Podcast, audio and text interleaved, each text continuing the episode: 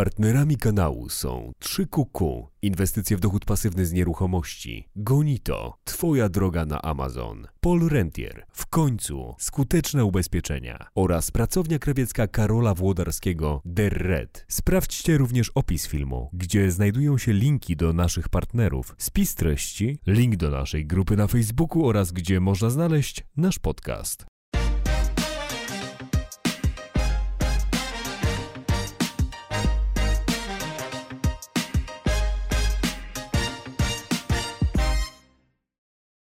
Tytułem wstępu powiem to, co wyczytałem w internecie. E, Pierwszy milion przychodów 11 miesięcy, 700 tysięcy użytkowników, a do tego jesteście fajnymi gośćmi, którzy chętnie dzielą się wiedzą, pomagają innym, służą innym. Jak się robi produkt, rozwiązanie i też jeżeli możecie w kilku zdaniach prostych najlepiej wytłumaczyć, czy co tak naprawdę robicie, które odnosi taki sukces, chociaż wiem, że dla Was to jest jeszcze dużo przed Wami do zrobienia, ale odnosi taki sukces pomimo tego, że konkurencja na rynku już była i to dość liczna. To już nagrywamy, tak? Tak jest, lecimy. No, zaczynasz? Eee, no, przede wszystkim bardzo nam miło e, za zaproszenie e, i za wszystkie miłe słowa w naszym kierunku. Co do tego, może na początek tytułem wstępu kilka słów, co właściwie robimy. Um, MD Bootstrap, e, bo tak nazywa się nasz e, produkt. Ta nazwa rozwija się, składa się z dwóch członów. Material Design i Bootstrap, czyli dwie oddzielne, nazwijmy to robocze technologie, e, które są technologiami otwartymi, darmowymi, um, z których jedna, Material Design, czyli język projektowania, pochodzi od Google'a. E, nie wiem, zapewne widziałeś e, wszelkie rozwiązania Google'a typu, typu Android, typu Gmail, typu ich kalendarz, że mają ten charakterystyczny wygląd, Tak. który jest spójny, niezależnie od tego jakby, mimo że są to różne urządzenia, aplikacje, jest coś, jest ten wspólny mechanizm, który je gdzieś tam scala i Google jak ma to w zwyczaju po prostu wypuścił to, tą specyfikację, która jest obszernym dokumentem o tym, jak ich zdaniem powinny aplikacje wyglądać, jak powinny być budowane, jak powinny się zachowywać, żeby były po prostu e, najlepsze, najprzyjemniejsze, e, najwygodniejsze w użytkowaniu. E, i wypuścił to oczywiście za darmo, tak jak ma w zwyczaju. Z drugiej strony Bootstrap, czyli hegemon w świecie, świecie web developmentu, a można powiedzieć szkielet, na którym budujesz, możesz budować aplikacje czy strony internetowe, e, który sprawia, tak oczywiście uproszczę, ale tak w, w dużym skrócie za, zapewnia czy ułatwia, pomaga to, że strony, które budujesz czy aplikacje są responsywne, tak? Czyli pewnie pamiętasz jeszcze czasy, kiedy na przykład e, strony miały dwie wersje. Był Onet, Onet Lite, do dzisiaj Facebook ma wersję mobilną, która jest dostępna pod adresem m.facebook. A dzisiaj oczywiście tak się już nie robi, e, no bo nie ma potrzeby, żeby utrzymywać dwa zespoły deweloperskie, skoro można mieć jeden, który stworzy stronę w taki sposób, że ona będzie świetnie wyglądać na każdym e, z tych urządzeń. I e, to, co zrobiliśmy, to połączyliśmy te dwie technologie ze sobą i opakowaliśmy w produkt, a, a, a nawet coś więcej, bo, bo produkt e, z usługą, czyli produkt ze wsparciem i wypuściliśmy. Tak naprawdę to, to jest, jest to też produkt, który powstał trochę z potrzeby, bo to był taki moment, kiedy my sami e, zajmowaliśmy się budowaniem tych stron i aplikacji i tego nam zwyczajnie w świecie brakowało, więc zaczęliśmy szukać takiego produktu. I okazało się, że, że takie produkty już istnieją, to znaczy było już, było już 13 takich rozwiązań, e, wszystkie były darmowe, ale to właśnie co było z jednej strony zaletą, czyli to, że one były open source'owe, było jednocześnie ich wadą, ponieważ każdemu z nich czegoś brakowało. Z reguły te projekty open source'owe są to projekty hobbystyczne, e, są, to robione, są robione przez zapaleńców.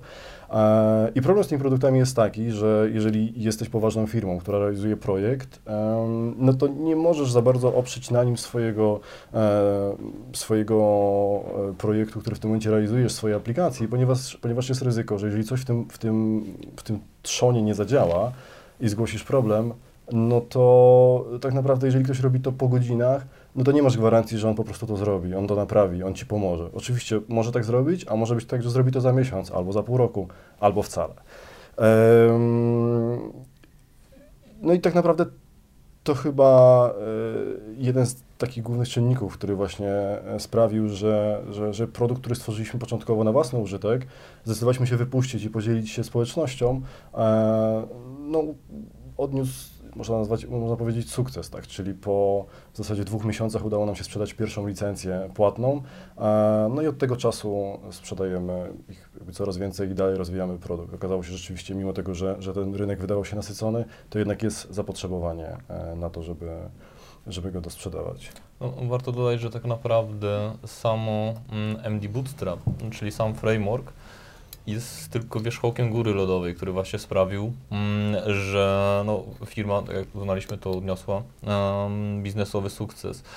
Tak naprawdę, mm, co sprawiło, że mm, byliśmy w stanie zaoferować e, unikatową e, wartość na naszym klientom, było wiele rzeczy, które dobudowaliśmy e, wokół e, głównego produktu. To jest, tak już jak powiedział e, Dawid, właśnie świetnie działające wsparcie klienta, specjalnie przygotowany forum stackowy, e, czyli właśnie pomocy technicznej. To jest no, dokumentacja, do której my naprawdę przykładamy ogromną wagę i staramy się, żeby nie było e, w świecie technologii, e, wśród naszej konkurencji, dokumentacji, która by tak obszernie i tak mm, e, no właśnie detalicznie opisywała każde zagadnienie techniczne, co też spowodowało no, po prostu sukces marketingowy. Tak? Nas- n- Nasza strona generuje ogromny ruch, miliony użytkowników każdego miesiąca, właśnie ze względu na świetną dokumentację, bo ludzie wpisując różnego rodzaju mm, zapytania techniczne do Google'a, znajdują rozwiązanie właśnie u nas, a więc też od razu później korzystają z naszych rozwiązań, które te ich pytania techniczne i te techniczne problemy e, rozwiązują. Tak więc tylko podsumowując właśnie no, e, odpowiedź na pytanie e, o ten sukces, no, mówimy w cudzysłowie, bo tak naprawdę jak się przyłoży odpowiednią skalę, to wciąż jesteśmy małą firmą, e, która e, raczej sceptycznie do tego słowa podchodzi, e, chociaż i tak jesteśmy dumni z tego, co udało się e, zbudować z całym zespołem, ale podsumowując, mm, tak naprawdę e, właśnie MD Bootstrap jest e, czubkiem góry lodowej, a wokół jest mnóstwo innych rzeczy, które dopiero razem w całej w wspólnej konfiguracji są w stanie zaoferować mm, unikalną wartość e, użytkownikowi, klientowi. E, I dzięki temu e, okazać się lepsze od właśnie gigantycznych open source'owych projektów, czy nawet płatnych projektów, bo takie przecież też istniały. Przecież Google też wypuścił swój mm, e, framework, który był dla nas konkurencją, ale wciąż właśnie tych zbiór elementów spowodował, że no, jednak użytkownicy wybrali nas. To może jeszcze warto dodać taką rzecz, że generalnie ludzie słyszą, myślą o czym robimy, gdzie, gdzieś tam słyszą o nas po raz pierwszy, e, czy nasi znajomi, no to panuje taki trochę stereotyp, że, że, że tworzymy strony, że tworzymy aplikacje. E, I to też jest ciekawa historia tego, że mm, ktoś kiedyś zapytał nas, e, zadał takie pytanie, że jak jest gorączka złota, gdzieś odkryto nową żyłę złota i ludzie biegną, żeby, żeby, żeby znaleźć to złoto, to, to pytanie jest, kto najwięcej na tym zarobi. A pewnie słyszałeś tę historię. E, no, no, my słyszeliśmy wtedy po raz pierwszy. Oczywiście pierwsza naturalna odpowiedź, która przychodzi do głowy jest taka, że no, ten, kto to złoto znajdzie. Tak? Podczas gdy no, ta prawdziwa, nazwijmy to, odpowiedź jest taka, że wtedy najprawdopodobniej najwięcej zarobi ten, kto produkuje kilofę. I my właśnie przestawiliśmy się w pewnym momencie z tego, z tego, z tego szukania złota, z tego e, tworzenia rzeczy dla klientów końcowych na budowanie tych kilofów dla programistów. A jak wiemy, dzisiaj tak naprawdę żyjemy w świecie, gdzie każdy ma, czy to stronę internetową, czy aplikację, e, nawet lokalne biznesy, tak, muszą w jakiś sposób istnieć, e, więc ten rynek jest bardzo, bardzo ogromny i, i ten rynek jeszcze będzie rósł, on rośnie z każdym rokiem, w związku z czym też deweloperów, e, a co za tym idzie zapotrzebowanie na te narzędzia, jest coraz więcej, więc my generalnie tworzymy narzędzia Mhm. dla, dla programistów. z perspektywy czasu łatwo się analizuje, jeżeli coś się udało. Natomiast mnie bardzo ciekawi to, jak wy podeszliście do tego, żeby właśnie się zdecydować na ten ruch, że ok, mimo że istnieje już sporo takich rozwiązań, to my to robimy, ponieważ i widzę to u osób, które są na początku swojej drogi biznesowej i u zaawansowanych przedsiębiorców, że jeżeli widzą, że już jakieś rozwiązanie jest na rynku, no to okej, ktoś już na to wpadł, to być może nie jest aż tak dobry pomysł, być może lepiej się z tego wycofać. Oczywiście też istnieją sytuacje skrajnie odwrotne, czyli jak tego nie ma jeszcze na rynku, to być może tego nikt nie potrzebuje, albo to jest tak innowacyjne, że w ogóle to wyprzedza swoje czasy. Więc co pozwoliło Wam zdecydować, że pomimo tak licznej konkurencji, częściej już na to odpowiedzieliście, ja chciałbym, żebyśmy ten temat pogłębili, bo ciekawi mnie, co się działo w Waszej głowie, czy się, mówiąc wprost, nie baliście, wchodząc po prostu w to, że pomimo tak licznej konkurencji wy decydujecie się robić to rozwiązanie? No to możemy udzielić e, precyzyjnej odpowiedzi. Znaczy, raz na pewno trzeba zaznaczyć, że nigdy nie jesteś w stanie wyeliminować ryzyka i bez względu na to, jak świetne e, masz dane dotyczące tego, jak bardzo perspektywistyczny jest dany biznes, to i tak on się może wywalić. I w drugą stronę, coś, w co wydaje się, że nikt nie wierzy, no tak jak w przypadku właśnie naszego projektu, no bo tak jakby patrzysz z boku i widzisz, że jest tyle rozwiązań, Google ma swoje rozwiązanie takie, no i wy chcecie konkurować i chcecie jeszcze brać za to kasę, e, no to nie ma szans. Mm, e, więc każdy biznes oczywiście, y, z tego sobie zdaje sprawę każdy przedsiębiorca, jest obarczony ryzykiem. Tylko to prawdopodobieństwo może być większe lub mniejsze, że on wyjdzie lub nie. E, co spowodowało, że my się zdecydowaliśmy, mm, to były po prostu dane marketingowe. E, moje, e, ja wcześniej byłem specjalistą SEO i marketingu, więc mm, my wykonywaliśmy wcześniej jako agencja marketingowa, bo też taką prowadziliśmy, wykonywaliśmy usługę dla mm, firmy, która zajmowała się E, no, tworzeniem, e, tworzeniem aplikacji i stron i właśnie korzystała z Bootstrapa. No i gdy przeglądałem e, statystyki dotyczące technologii bootstrapowych i webowych, no to wtedy zobaczyłem coś, co każdemu specjaliście od SEO to jawi się jako mokry sen. Nigdy nie widziałem fraz w Google, które rosłyby tak szybko i tak dynamicznie, bo sobie może ludzie nawet nie zdają sprawy, ale jest to ogromny rynek. To są E, miliony wyszukiwań na jakieś takie poboczne frazy związane z samym bootstrapem i z innymi technologiami, że mm, no, nawet biorąc pod uwagę ilość tych rozwiązań, które stały, to wciąż się wydawało, że jest e, ogromny, mm, ogromna nisza do zagospodarowania. Wiele tych fraz technicznych wciąż było pustych, nie było na nie odpowiedzi. Tak więc to była pierwsza rzecz, która nam powiedziała, że mm, e, trzeba z tego skorzystać. Przy czym też nie poszło to gładko, bo na przykład ja jako marketingowiec mm, od razu się rozmarzyłem, e, ale na przykład Dawid to też potrzebował czasu, żeby się przekonać do tego i rzucić nasz projekt, który już był dochodowy, no żeby się przestawić zupełnie Mm, zupełnie na to. Więc to też nie była taka łatwa decyzja. Z drugiej strony, no ja no, nie potrafiłem sobie wyobrazić, że możemy to wypuścić. Dawid też się szybko do tego przekonał e, i mm, e, uderzyliśmy. Tak więc narzędzie, które jest do dyspozycji każdego, mm, który aspiruje do bycia przedsiębiorcą lub tym przedsiębiorcą już jest, przedsiębiorcą już jest, to jest po prostu Google. Patrzysz na liczbę wyszukiwań e, i to już jest w stanie dać Ci jasną odpowiedź, e, czy jest rynek, jaka jest konkurencja na daną frazę, czy te frazy rosną z miesiąca na miesiąc, z roku na rok i masz wtedy solidne podstawy, żeby uważać, że Twój pomysł biznesowy mm, ma sens. No, w tym momencie, jak zdamy sobie sprawę, że większa część internetu stoi właśnie na bootstrapie, że bootstrap w tym momencie rośnie szybciej niż kiedykolwiek mm, indziej, że są to już setki milionów stron i aplikacji, e, które w globalnej sieci na tym stoją i wciąż to się rozwija, że to połyka kolejne nisze, no to możemy sobie zdać sprawę z potencjału, który jeszcze jest. Tak naprawdę tu jeszcze są miejsca na nowe biznesy z tym związane, e, więc... E, takie powstają cały czas. I takie powstają, tak, takie powstają.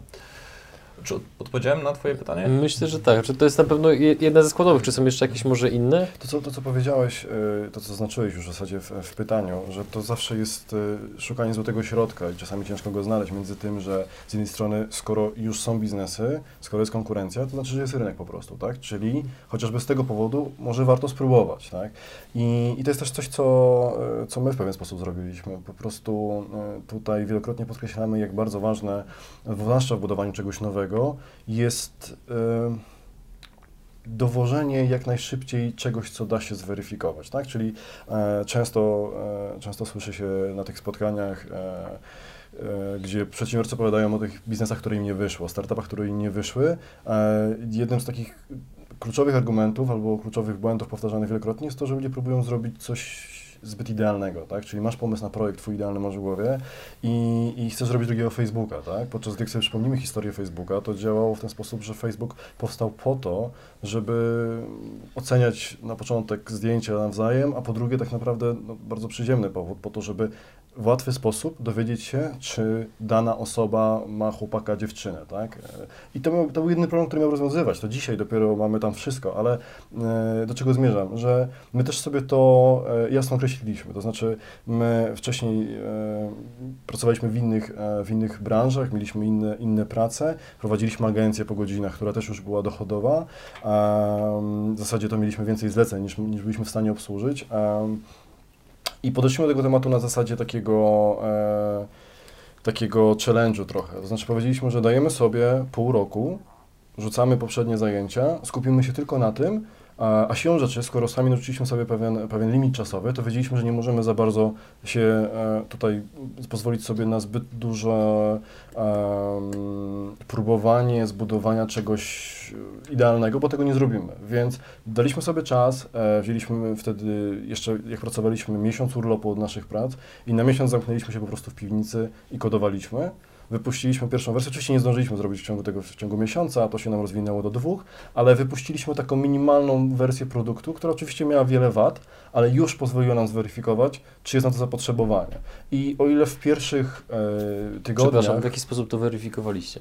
E, o ile w pierwszych tygodniach oczywiście nie mieliśmy zamówień, e, o tyle wypuszczaliśmy nasz produkt, e, prosiliśmy o feedback, dawaliśmy go deweloperom i o ile nie było zamówień, to była informacja zwrotna. Ona bardzo często była nieprzyjemna, to znaczy tutaj też oczywiście widać charakterystykę też e, niestety tutaj różnicę między, między tym feedbackiem w Polsce i za granicą, co się oczywiście zmienia, to też bardzo, bardzo obserwujemy, bardzo dobre zjawisko, że, że w Polsce to się zmienia, ale jednak mamy tą tendencję, że w Polsce lubimy trochę hejtować. E, I to, co się wydarzyło, to to, że dostaliśmy właśnie informację zwrotną. Ktoś nam wytknął, że to nie działa, tam to nie działa, a tu poprawcie, a tu jesteście niezgodni z specyfikacją i my to wszystko po prostu sumiennie notowaliśmy i natychmiast poprawialiśmy. I to też kolejna rzecz, którą warto podkreślić, że nie warto się bać feedbacku, nie warto się bać hejtu, bo jeżeli ktoś mm, pisze komentarz, który jest nawet nieprzyjemny albo negatywny e, i nawet jeżeli jego intencje nie są do końca czyste, to wciąż on włożył wysiłek w to, złożył swój czas po to, żeby coś Ci powiedzieć. Czyli to jest zdecydowanie lepsze, niż gdyby tej odpowiedzi w ogóle nie było, tak? Gdyby ta nasza informacja przeszła w ogóle bez echa. E, no i tak naprawdę tym sposobem przez pierwsze tygodnie, e, no też projekt dostał niesamowitej trakcji, bo mieliśmy masę feedbacku, e, ulepszaliśmy go po prostu z godziny na godzinę, co chwilę tam wchodziły nowe, e, nowe poprawki kodu, no i to sprawiło, że tak naprawdę po, w drugim miesiącu, w trzecim zaczął się sprzedawać. Tak? Znaczy, Pierwsza... Mieliśmy pierwszą sprzedaż tam chyba tak, w pierwsza. drugim miesiącu. Jeszcze tylko dopowiadając mm, do odpowiedzi na pytanie, jak e, zweryfikować, czy pomysł ma szansę na sukces, jeśli już na przykład istnieje konkurencja, to wciąż trzeba pamiętać, że takie pierwsze wrażenie może być bardzo mylne. Chcesz zrobić mm, projekt na mm, wzór MD Bootstrap i patrzysz, że jest 13 rozwiązań e, darmowych, jeszcze robionych przez gigantów i sobie myślisz, no tu nie ma miejsca, po prostu rezygnuję. Ale tak naprawdę, jakbyś zajrzał głębiej, to zobaczysz, żaden z tych projektów nie ma wsparcia technicznego działającego 24 na dobę. Nikt tego nie zagospodarował. I tutaj już od razu dostrzega, że tak naprawdę tu nie ma konkurencji na coś takiego. Więc e, to jest o wiele bardziej skomplikowana sprawa niż taki tylko pierwszy rzut oka, że jest 13 podobnych rozwiązań. Ale im może brakować jakiejś kluczowej kwestii, która może sprawić, że po prostu wygrasz na tym rynku, bez względu na to, czy Twoją konkurencją będzie Google, Facebook, czy e, właśnie gigantyczne open source'owe rozwiązanie. Po mhm. prostu musisz pogrzebać głębiej. I na przykład dane e, SEO są w stanie Ci to podpowiedzi, bo to są po prostu ogromne wolumeny, które weryfikują e, mhm. Twoje tezy. A czy możesz jeszcze dopowiedzieć w takim razie dla laików, z jakich narzędzi można właśnie korzystać pod kątem sprawdzania ilości wyszukiwań, bo to jest, zakładam, taki trochę skrót myślowy, który wy rozumiecie, ja rozumiem, Jasne. znamy te narzędzia, ale dla osoby, która no jakby albo właśnie jest takim konserwatywnym biznesmenem, który jednak jest, działa bardziej w offline, bądź jest początkującym, no to może pojawić się znak zapytania, ok, ale o jakim ty narzędziu mówisz, Michał? Pierwsza, nie? pierwsza, pierwsza e, sprawa, pierwsza, pierwsze narzędzie, do którego bym Cię skierował, są po prostu Google Trends. Tak, wpisujemy w Google Google Trends, no i wtedy wyskoczy nam narzędzie, w którym wpisujemy daną frazę, e, powiedzmy właśnie bootstrap i pokazuje nam jak e, w określonym okresie czasu ustawiamy sobie, czy chcemy miesiąc, czy chcemy rok, czy chcemy ostatnie 5 lat, zapotrzebowanie na daną frazę rosło. Możemy porównywać z innymi frazami, e, no i wtedy widzimy, e, czy są, mm, czy są, mm, czy są wzrosty, czy nie. Dodatkowo Google zapewnia narzędzie takie jak Keyword Planner, gdzie po prostu możemy zobaczyć określone wolumeny tych wyszukiwań. Wpiszemy właśnie ten bootstrap i widzimy, że milion osób miesięcznie wpisuje na całym świecie albo określamy to do danego regionu, który nas interesuje, mm, daną frazę. Możemy na przykład, nie wiem, sprzedawać niebieskie buty i możemy wpisać niebieskie buty i zawęzić to do Warszawy i zobaczyć, ile osób w Warszawie w ciągu ostatniego miesiąca pisało taką frazę. No i później sobie możemy przeliczyć, czy to faktycznie jest mm, dla nas e, grupa docelowa wystarczająco wielka, żeby e, sprawdzić, no żeby po prostu mieć jakieś tam podstawowe, mm, podstawowe no fundament pod to, żeby Mhm. spróbować zweryfikować pomysł biznesowy. To są takie podstawowe, darmowe narzędzia. No, no, później, jeśli ktoś chciałby już poważnie się tym zainteresować, to e, no, na pewno wspaniałym, z, którym, z którego mm, my korzystamy na co dzień, jest Href, tylko że to jest drogie narzędzie. E, Rocznie tam kosztuje e, kilka tysięcy złotych. Mm, Więc to już jest raczej dla kogoś, kto ma fundusze na to. No i wtedy tam faktycznie można mm, precyzyjnie śledzić zmiany mm, co do no, bardzo małych liczb e, określonych regionów i tam wiele innych danych potrzebnych do takiej bardzo detalicznej e, analizy. Mm, No i na tej podstawie mm, wysuwać wnioski. Tak naprawdę to teraz SEO dyktuje, tak naprawdę dyktowało nam od początku strategię naszej firmy, bo widzimy, które frazy mm, rosną, które technologie rosną, no i my po prostu w nie inwestujemy, staramy się przejmować teraz już siłą rozpędu. Eee, No ale to też dzięki temu to oszczędza nam wiele kłótni, bo po prostu jak zastanawialibyśmy się, e, czy zainwestować w tą technologię, czy w tą, e, no to odpalamy mm, Href'a, patrzymy, co rośnie szybciej, co ma więcej zapotrzebowania e, i w ten sposób Mhm. wybieramy. Więc tak, podsumowując, Google Trends, Mhm. e, Keyword Planner, Href e, dla tych, którzy no, są w stanie zainwestować więcej kasy, to na początek wystarczy. Mhm. Wszystkie linki na pewno będą w opisie dla ułatwienia. Natomiast chciałbym jeszcze Was zapytać o zbieranie feedbacku, ponieważ no, wydaje mi się, że od dłuższego czasu bardzo na czasie są takie metodyki pracy jak Lean Startup, Design Thinking, Service Design. Wszystko, co jakby sprowadza się właśnie do zbierania feedbacku, tworzenia kolejnych iteracji i tak dalej, i tak dalej, aż powiedzmy dochodzimy do tego momentu e, Eureka. Natomiast z Waszego doświadczenia, jaki w Waszym przypadku model zbierania feedbacku był najbardziej wydajny? Czy to były rozmowy telefoniczne, czy to były rozmowy na żywo, czy to było pisanie do grup na Facebooku, czy na priv na LinkedInie? Który kanał i jakby, a które się nie sprawdziły?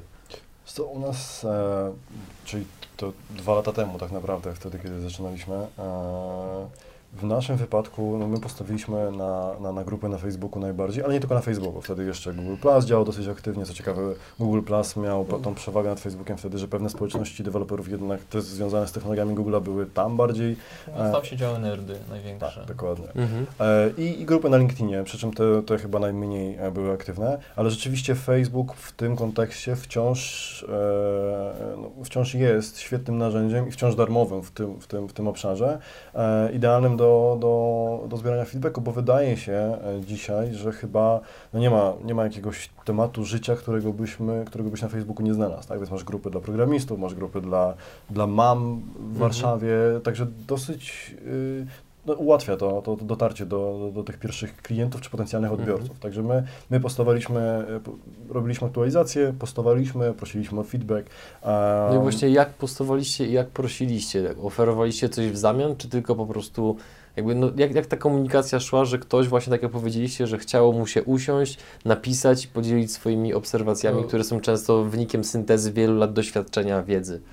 No, społeczności w Polsce raczej nie trzeba do tego namawiać, bo jak mówisz, że wypuściłeś nowy produkt i prosisz o feedback, to znajdziesz naprawdę ogromne grono osób, które chętnie Ci powiedzą, dlaczego Twój produkt jest beznadziejny i dlaczego nie wyjdzie.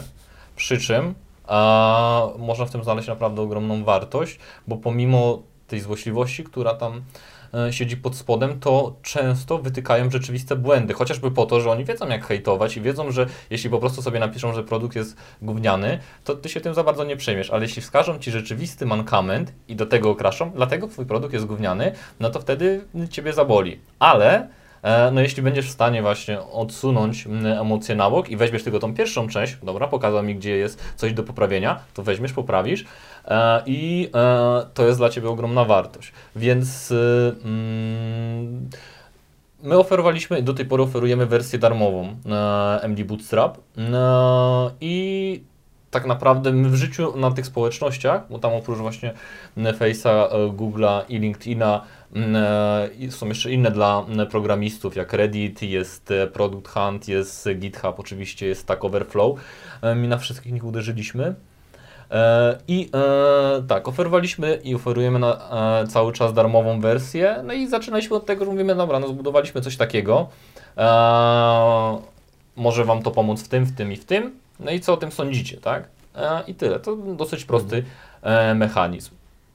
No i wtedy, że tak mhm. powiem, zaczynała się, zaczynała się mm, zabawa. Mm, I wciąż najwięcej hejtu faktycznie jest na polskich grupach i przez hejt oczywiście rozumiem nie niemiły feedback, że e, e, no, produkt jest słaby, bo to wam nie działa, tylko że stylu, mm, odpowiedzi w stylu. I tak wam się nie uda. E, I tak wam się nie uda, zajmijcie się lepiej czymś innym. W życiu nie wiedziałem takiego gówna.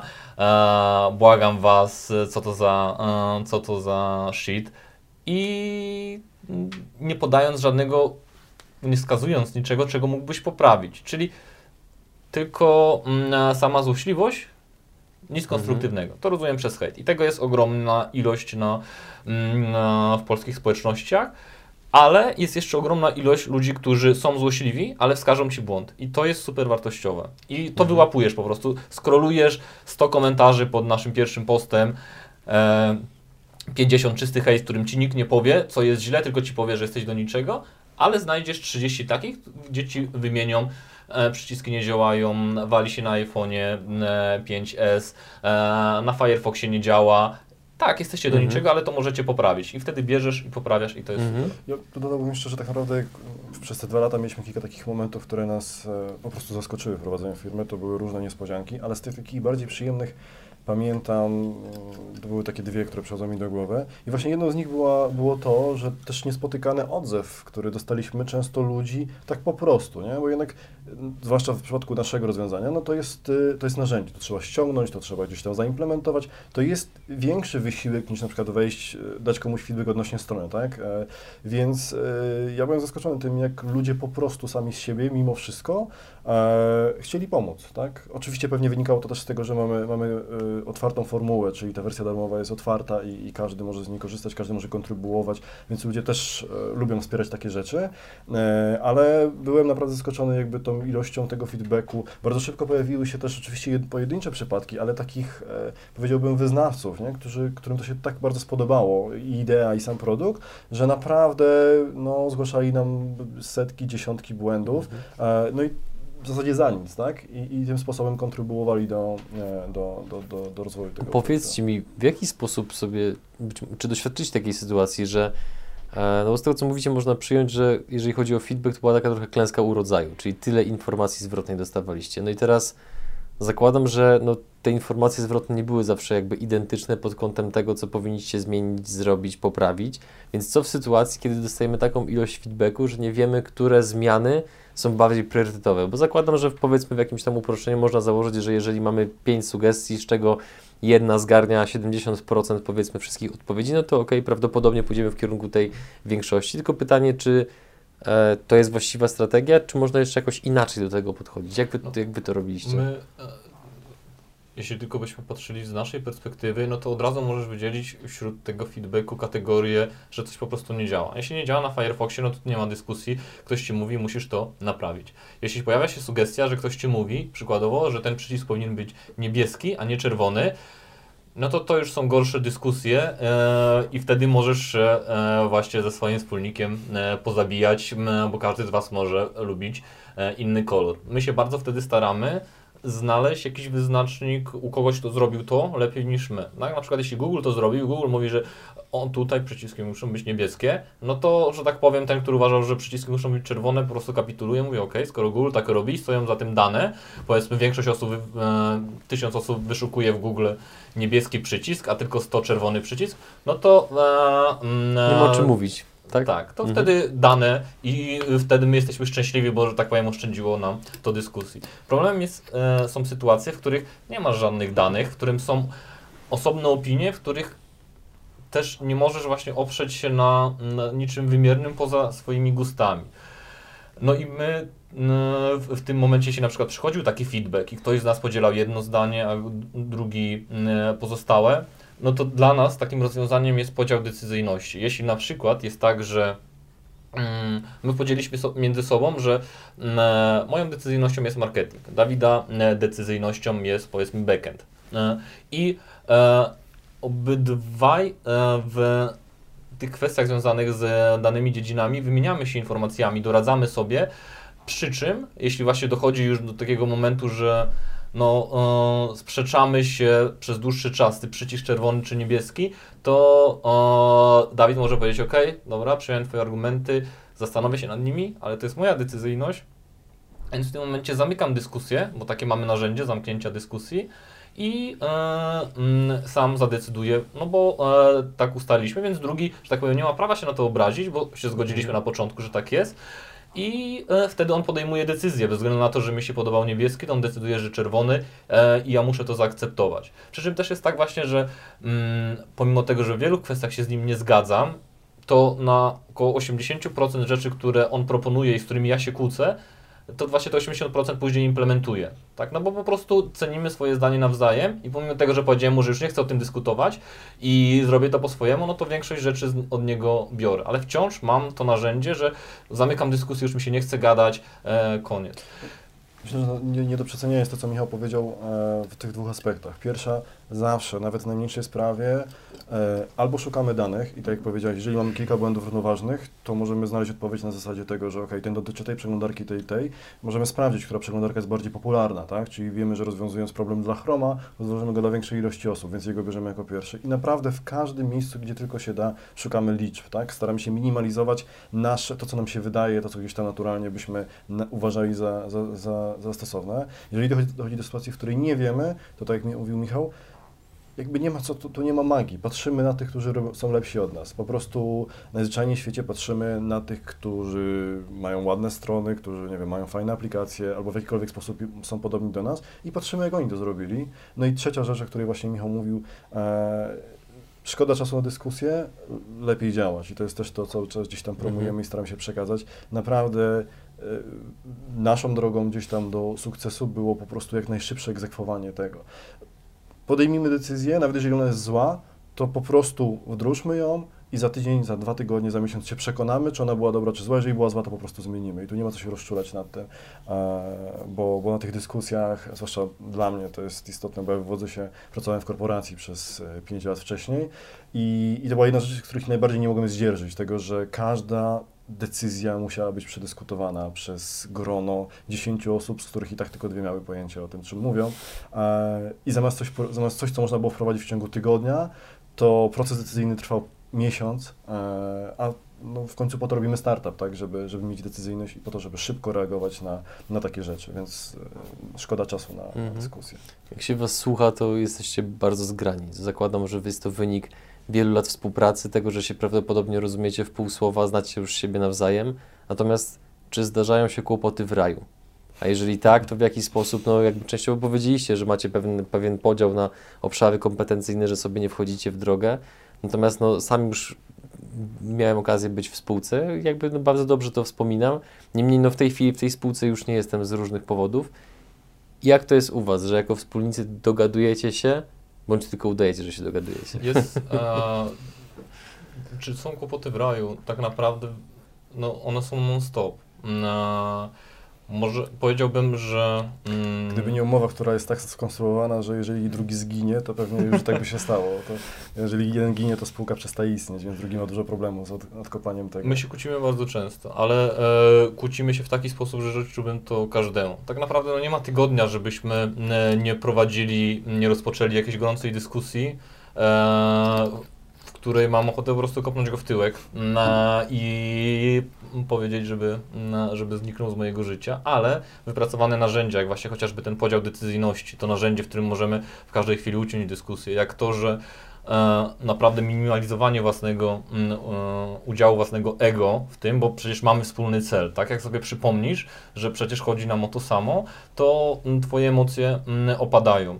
Jak przypomnisz sobie, ile problemów razem przeszliśmy i fakt, że zawsze mogliśmy na siebie liczyć, mm, takie naprawdę bezgraniczne zaufanie też chłodzi ci te emocje i dopuszcza rozum do mm, działania. Więc y, mm, dyskusje, i to co nazwałbyś normalnie kłótniami, zdarzają się bardzo często. To jest tak, przy czym to jest jak właśnie kontrolowany sztorm.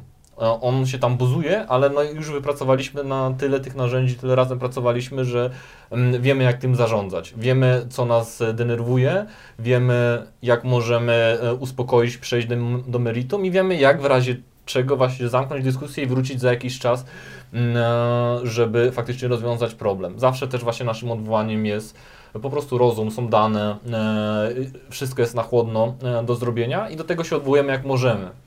Więc mamy ten swój zestaw narzędzi wypracowanych, e, wyhartowanych w tym, w tym ogniu walki, że pozwalają nam się faktycznie dogadywać. Zastanawialiśmy się nad tym, bo na przykład wiele, wielu naszych znajomych przedsiębiorców ma problem taki, że nie dogaduje się ze wspólnikami, wielu z nich już się po prostu rozeszło ze sobą i co sprawia, że my jesteśmy w stanie się e, dogadywać pomimo właśnie tak różnych zdań w wielu kwestiach. No i wydaje się właśnie jednak, że te narzędzia, które wypracowaliśmy po prostu działają. E, to w robieniu firmy musi rozum decydować, nie emocje.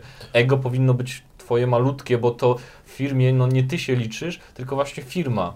E, I, I to pomaga. Ja bym tu nie do końca bym się zgodził, a, a może rozstrze- Zaczynamy. rozszerzyłbym e, trochę to, że to nie są tylko narzędzia, one są bardzo ważne i to jest Aha. coś, co myślę, że też naszej trójki jest oczywiste, ale może warto o tym powiedzieć. E, coś, czego my się chyba nauczyliśmy już dawno i teraz już dlatego zapomnieliśmy o tym, że, że to w ogóle istnieje, ale na przykład to, że e, no właśnie, jeżeli on torpeduje mój pomysł, to naturalnym odruchem jest to, że ja mam wrażenie, że on torpeduje mnie, tak? Że jeżeli skoro on hejtuje mój pomysł, a co gorsze, jest inteligentnym kolesiem, więc często robi to bardzo dosadnie, podając argumenty, to ja się czuję po prostu źle, zwyczajnie, tak? Jest mi głupio, bo nie wiem, znalazł jakieś liczby i tak dalej i, i wychodzi na to, że mój pomysł jest głupi i naturalnie biorę to do siebie, tak? Więc co oczywiście nie ma sensu, to, to, to, bo, bo on torpeduje mój pomysł, a nie mnie, ale myślę, że takim naturalnym odruchem i dla wielu ludzi, e, to już nawet nie dla przedsiębiorców, ale ogólnie, czy w szkole, czy, czy, czy na studiach, czy gdziekolwiek, czy nawet w pracy, kiedy pracujemy dla kogoś, e, to jest bardzo ważne, żeby pracować sobie to e, jakby e, sz- sztukę dostawania feedbacku, że, że, że wtedy zdecydowanie mniej emocjonalnie te rozmowy przechodzą, jeżeli sobie zdamy sprawę, że a, mamy wspólny cel, b, jeżeli on to mówi, i tak myśli, no to po prostu tak jest. On uważa, że tak będzie najlepiej dla firmy, dla spółki, dla projektu.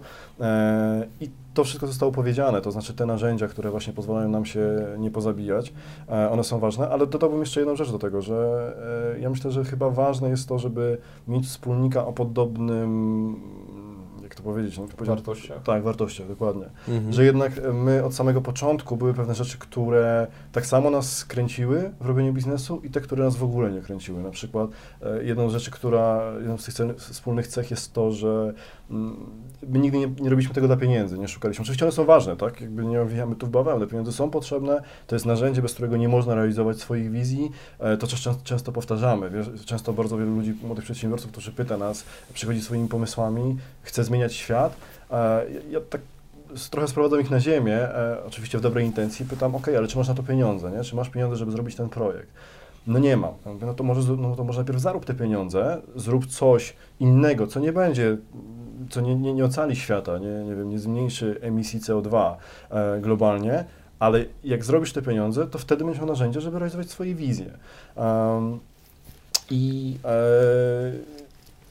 my to obdzieramy z tego, znaczy obdzierając to właśnie z, z, z, z, tej obłudy, oczywiście pieniądze były ważne, ale to nie był główny motywator dla nas, dlatego na przykład my też nigdy się nie pokłóciliśmy o jakieś udziały, o, o, o, to, e, kto powinien zarabiać więcej. E, też daliśmy sobie kredyt zaufania e, taki, taki wzajemny na zasadzie tego, że też, e, co też przychodzi naturalnie pewnie w naszej ludzkiej naturze, jest jakaś kwestia rozliczania, tak, że ja, nie wiem, bywały momenty, kiedy, kiedy ja na przykład nie pracowałem wcale, bo jeszcze w czasach, kiedy na przykład byłem w korporacji, robiłem to po godzinach, a Michał siedział cały tydzień, nigdy żaden drugiemu nie, nie wyrzucił, nawet nie pomyślał o tym, żeby wyrzucić na zasadzie, ok, ale ja pracowałem 30% więcej, to powinien mieć więcej udziału. Więc to też jest bardzo ważne, żeby jednak robić to z Mhm. kimś, kto ma podobne wartości, e, no bo, no bo niektóre problemy naszych kolegów, którzy prowadzą spółki, są nas po prostu abstrakcyjne najzwyczajniej w świecie. Mhm. A tak wchodząc trochę w szczegóły, jeżeli chodzi o Waszą komunikację, bo wielokrotnie się spotkałem z tym, że właśnie tak jak powiedziałeś, ludzie czasami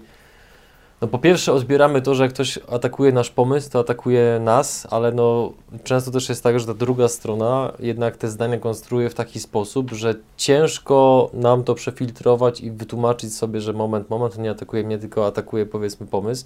Więc czy Wy macie wypracowane jakieś takie zasady komunikacyjne, czyli jakich zwrotów używacie bądź nie używacie, żeby jakby tutaj nie krążyć dookoła, to jakby powiem w ten sposób. Czy na przykład jesteście w stanie do siebie powiedzieć ty kretynie, albo coś takiego. Takie, wiecie, dosadne komunikaty, które ja niejednokrotnie słyszałem, jak obserwowałem innych ludzi, jak mówią do siebie i potem się dziwią, że nagle rodzi się konflikt od tak. Myślę, e, że e, już podskórnie, znaczy tak, pierwsza rzecz, którą na sobie zawsze jesteśmy winni, to jest szczerość, że nie owijamy w bawełnę i mówimy sobie wprost, że tutaj musi być wszystko mm, rozumowo, nie emocjonalnie, więc no, ta firma e, i tą naszą współpracę zbudowaliśmy na szczerości, więc jesteśmy ją sobie winni. Przy czym faktycznie zdarza się tak, że ja powiem coś, po czym on powie, że go to dotknęło, albo ja mu tak powiem w to, ale on wtedy od razu mi to mówi, ja mu tłumaczę, co miałem na myśli e, Mhm. i to faktycznie jest szybko adresowane, że się nie pamiętam, żeby u nas się zdarzyło tak, żeby ktoś coś zostało uprzątnięte pod dywan, że jak drugi coś poczuje takiego, że no właśnie na przykład poczuł się niesprawiedliwie potraktowany, to jest w stanie o tym powiedzieć. I drugi tak jakby wtedy no zawsze na to reaguje. Nie wiem, czy przypominam sobie sytuację, żeby faktycznie, żebyśmy tego nie zaadresowali szybko. Mimo tego, że się właśnie Mhm. zdarza to dosyć często, to nie jest adresowane. Czy nie E, trzymacie trupów w szafie? No nie, To zdecydowanie. się, tak, nie Ja myślę, przypomnę. że nasi znajomi, e, tutaj jesteśmy znowu wspólną cechą jest to, że nasi znajomi e, mówią, że chyba, e, często słyszymy, że jesteśmy chyba najbardziej racjonalnymi albo ludźmi o najbardziej racjonalnym podejściu, których znają. Także naprawdę staramy się wszystko racjonalizować. Więc dla nas jest to oczywiste, że, Mhm. że my nie chcemy się domyślać nawzajem na zasadzie tego, że wiesz, okej, e, wkurzył mnie, ale mu nie powiem, tak? Tylko dam mu do zrozumienia i następnym razem zachowam się tak samo. Po No to- co? to- to- Dlaczego? Jakby to, to nie ma sensu. Mówię, stary, jakby zachowałeś się w ten sposób, e, dlaczego? Jakby uważam, że powinien zachować się w ten czy inny sposób, a nawet jeżeli nie, to, to mnie to w jakiś tam sposób ugryzło, tak? I po prostu leży mi na sercu i dlatego teraz nie muszę skupić na biznesie, więc no? Z, z, złośliwi twierdzą, że to jest y, taka dość częsta cecha u pewnej płci. Y, Ale to, ale to, jest jesteśmy te, no, to jest temat na inną dyskusję. Więc pytanie, czy nazywamy się kretynami, to tylko w żartach, ale myślę, że mamy inne słówka, takie, które nie mówią wprost, ale które wyrażają właśnie, co myślę w danym em, em, momencie. Znaczy, jesteśmy dosadni, to na pewno jak powiedziałeś. Może nie w tych Mhm. słowach, ale na pewno jesteśmy dosadni To w co, przekazie. tak, to co, że tak powiem, jest odpowiednikiem kretyna u nas, to jak powiem, zachowujesz się emocjonalnie. I to jest, To jest pocisk. Tak. i to jest pocisk taki e, najgorszego kalibru i wtedy, ale to dobrze działa, bo wtedy, że tak powiem, obydwaj później się pilnujemy, no. Ob- Odbywa się Mhm. pilnujemy, żeby przypadkiem ktoś nie, mm, e, nie poniósł się tą emocjonalnością, no więc Mhm. jest z jednej strony zabawne, denerwujące, ale z drugiej strony działa. A wracając do Twojego oryginalnego pytania, czy są problemy w raju, e, to oczywiście jest ich cała masa i jakby może już nie, nie, w, nie w kontekście naszej, naszej współpracy, ale prowadzenia firmy, no to chyba każdy, kto, kto prowadzi działalność już przez jakiś czas, to, to myślę, że zgodzi się z nami, że no, ja byłem zszokowany liczbą rzeczy, które mogą się wydarzyć, gdy prowadzisz firmę, o których nie myślisz wcześniej, z jakimi problemami musisz się borykać, tak? Tworzyliśmy tą firmę z myślą jakby z, z tą technologiczną myślą, że robimy coś, coś nowego, coś fajnego, jakiś produkt, a potem oczywiście wchodzą pewne procesy, tak? E, wchodzą ludzie, wchodzą pracownicy, pierwsze zatrudnienia, pierwsze zwolnienia, e, zarządzanie zespołem. E, no to jak chyba jak w każdym biznesie tak naprawdę. Są, są różne, przeróżne sytuacje, mm, które zdarzają się, po prostu wyskakują. E, Mhm. z którymi borykamy się.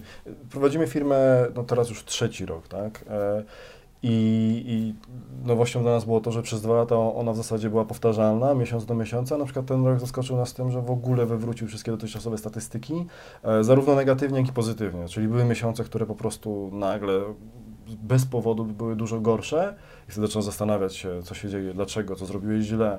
A co gorsze, ponieważ my chyba wszystko opieramy na danych, to tak emocjonalnie, e, jeżeli w tych danych nie masz potwierdzenia czegoś, co by wyjaśniało, dlaczego jest ten spadek, na przykład masz spadek sprzedaży, a nie masz spadku ruchu. U nas to zawsze było w korelacji. Jeżeli masz większy ruch, to więcej sprzedajesz. E, więc tak, no jakby tych rzeczy Mhm. jest bardzo dużo i one myślę, że nie przestaną zaskakiwać. No to właśnie to ten wątek chciałbym pociągnąć, bo nazywacie się, i jakby ja też to widzę, pomimo, że rozmawiamy dość krótko, że jesteście bardzo racjonalnymi gośćmi. Więc czy tacy racjonalni goście popełniają biznesowe jakieś takie pomyłki, które po pierwsze dużo kosztują, a dwa potem się ich wstydzą. Bardzo dużo. Znaczy wstydzą. To poproszę o historię jakąś. E, mieliśmy, mieliśmy kilka mm, projektów, właśnie, które staraliśmy się budować obok mm, MDB, mm, z racji tego, żeby stawiać jakby drugą e, i trzecią nogę w biznesie. No I też staraliśmy się opierać na danych. Więc e, no, na przykład wydaliśmy na podobne narzędzie dla WordPressa. E, no i wydawałoby się, też patrzyliśmy na te dane, też były piękne. Tak? SEO to się wszystko zgadzało i wydawało się, że tak naprawdę jesteśmy w stanie przerzucić użytkowników, tych, którzy już miało MD Bootstrap, na WordPressa. Mm, No i z jakiegoś powodu nie chwyciło. Tak? I zainwestowaliśmy w projekt dużo. Kosztowało nas to, myślę, no tam pewnie z kilkaset tysięcy, tak biorąc pod uwagę ludzi. Eee, No, ale w pewnym momencie musieliśmy zawiesić projekt, bo po prostu mm, nam się to w żaden nie, sposób nie spinało. Mniejszych błędów mieliśmy bardzo dużo na odnośnie zarządzania. To są rzeczy, których my w ogóle nie mieliśmy pojęcia, mm, jak podchodzić do zespołu. To wywaliliśmy się na tym tyle razy, mieliśmy tyle problemów, że no, to tak naprawdę były momenty, w których e, no, gdyby nie fakt, że, że, że, że mam wspólnika, to bym chyba mi się nie chciało tego robić właśnie, bo mm, nic mnie nie przygotowało na mm, tego typu problemy. Jakiś Mm, przykład?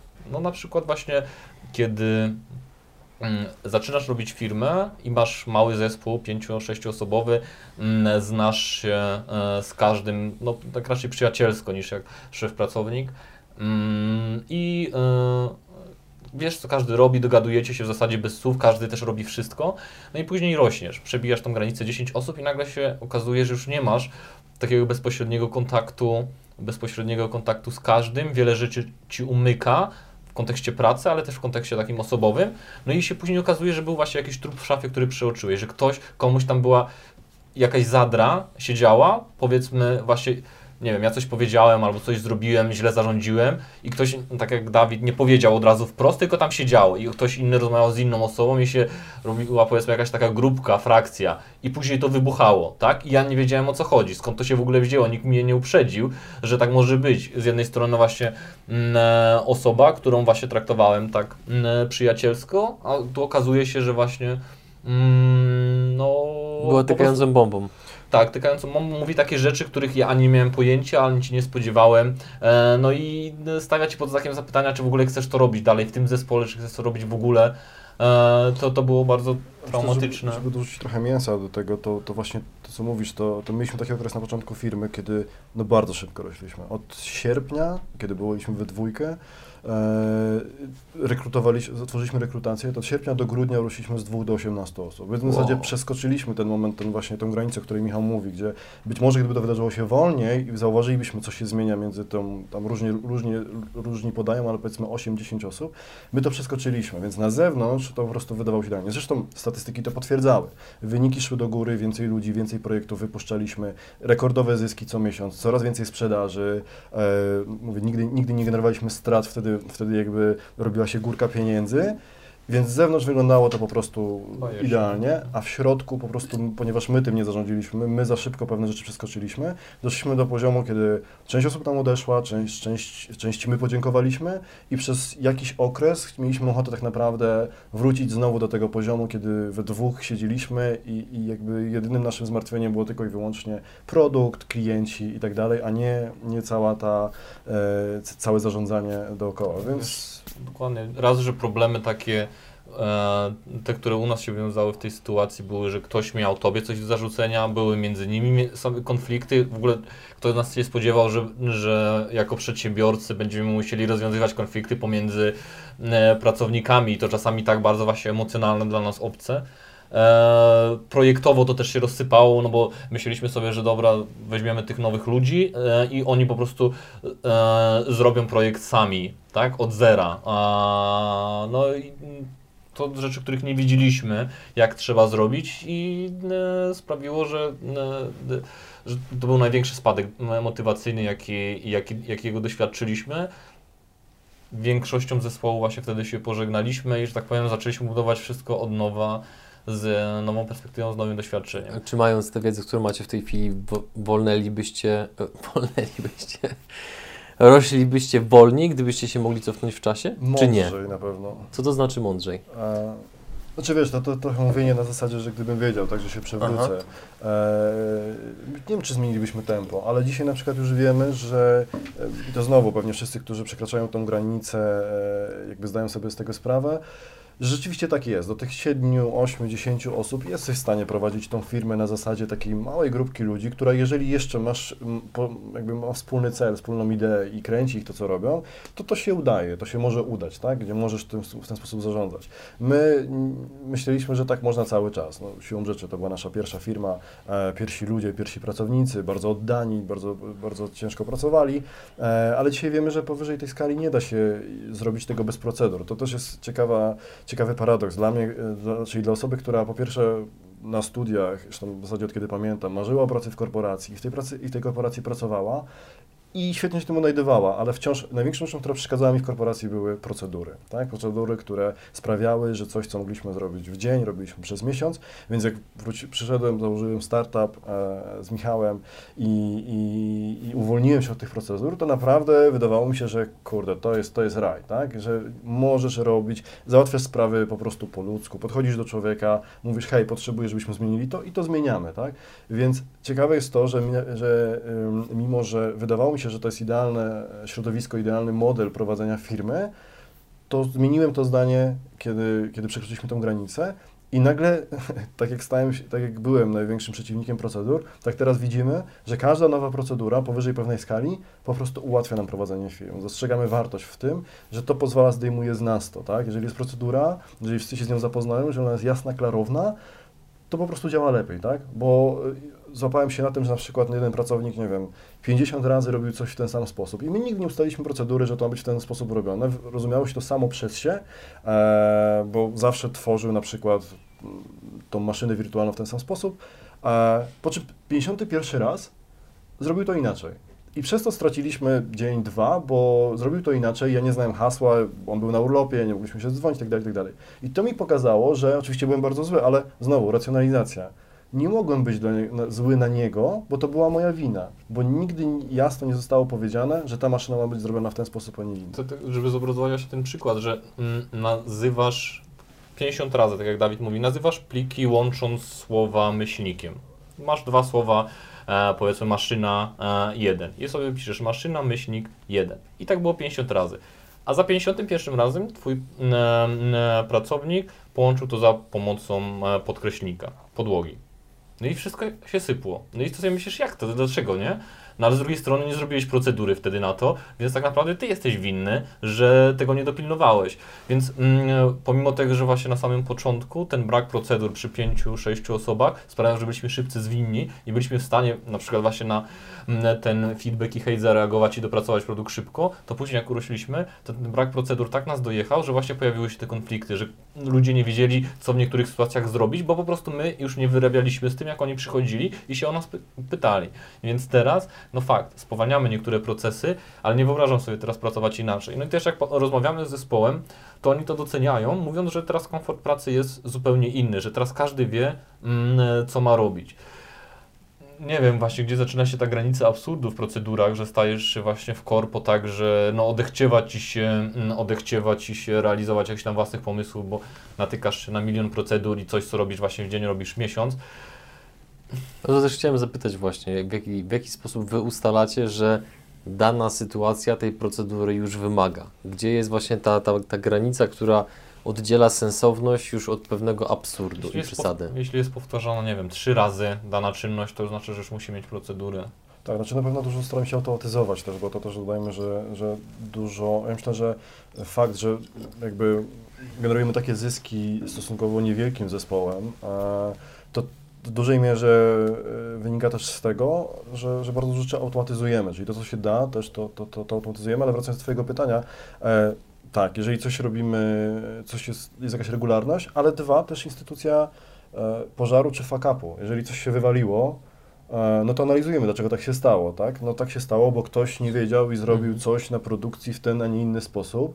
I znowu, dla mnie to było oczywiste, dla Michała to oczywiste, dla niego nie było. Nie możemy oczekiwać, że, dla, że, że że on to powinien wiedzieć, no więc okej, w takim razie pora na procedurę, z którą po prostu trzeba się zapoznać i wiedzieć na przyszłość, że... Więc często życie weryfikuje, tak? Jeżeli po prostu ci się coś wywali, to, to powinien się zastanowić, czy rzeczywiście tego nie ustrukturyzować w jakiś sposób. Mhm. Przechodząc dalej, prowadząc program mam taki przywilej, który wydaje mi się, że no jakby intelektualnie mnie rozwinął pod, pod takim względem, że wcześniej będąc trochę młodszą osobą, jak się spotykałem z opinią odmienną od mojej, to była taka jakby wewnętrzna walka, że nie, ten, ten gość jest chyba w błędzie. I się wchodziło w polemikę, żeby mu wyjaśnić, e, dlaczego powiedzmy myśli źle. Niemniej przez to, że spotykam się z różnymi przedsiębiorcami, to widzę, że na ten sam problem, wyzwanie można spojrzeć zupełnie z dwóch skrajnych perspektyw i co ciekawe, obydwie potrafią działać. E, Kilka dni temu miałem okazję poznać e, takiego przedsiębiorcę akurat, który działa na, w okolicach Bydgoszczy, który jest członkiem Rady Nadzorczej bardzo dużej firmy budowlanej. Jakimś sposobem, jakby tutaj niech widzowie już sami powiedzmy dorobią sobie historię jak, nie, nie są li- listowani na żadnej liście Forbesa, tygodnika wprost pod kątem największych prywatnych firm w Polsce, pomimo, że byliby w pierwszej dwudziestce. E, No i właśnie zaczęliśmy gdzieś tam rozmawiać, bo ten- ten pan właśnie jest po, po 60 roku życia. E, No, że no jakby ja się wywodzę ze świata internetu, a on w tym internecie jest w dwóch miejscach. W KRS-ie i w jakimś tam e, zarządzie jakiejś fundacji, gdzie go wybrali trochę bez jego wiedzy. E, No i on twierdzi, że jakby tutaj do internetu on w ogóle nie, bo ma to z jego perspektywy więcej minusów niż plusów, a z kolei wy, dla mnie przynajmniej, i też sądzę, że dla wielu jesteście przedstawicielami takiego pokolenia przedsiębiorców, którzy z jednej strony swój sukces zbudowali w oparciu o internet, a z drugiej strony używacie swojego czasu również po to, żeby tą wiedzą się bardzo dzielić. I dzielicie się nią bardzo hojnie, bardzo aktywnie. Dlaczego? Dobre pytanie. Znaczy, to wynika też chyba po pierwsze z wartości i, z tego, że nam tego brakowało trochę. To znaczy, brakowało w tym kontekście, że nie wiedzieliśmy, gdzie szukać. E, I, I naprawdę, jak jesteś młodym przedsiębiorcą, e, kiedy masz wizję zbawiania świata albo po prostu zbudowania produktu, chcesz coś robić, jesteś aktywny,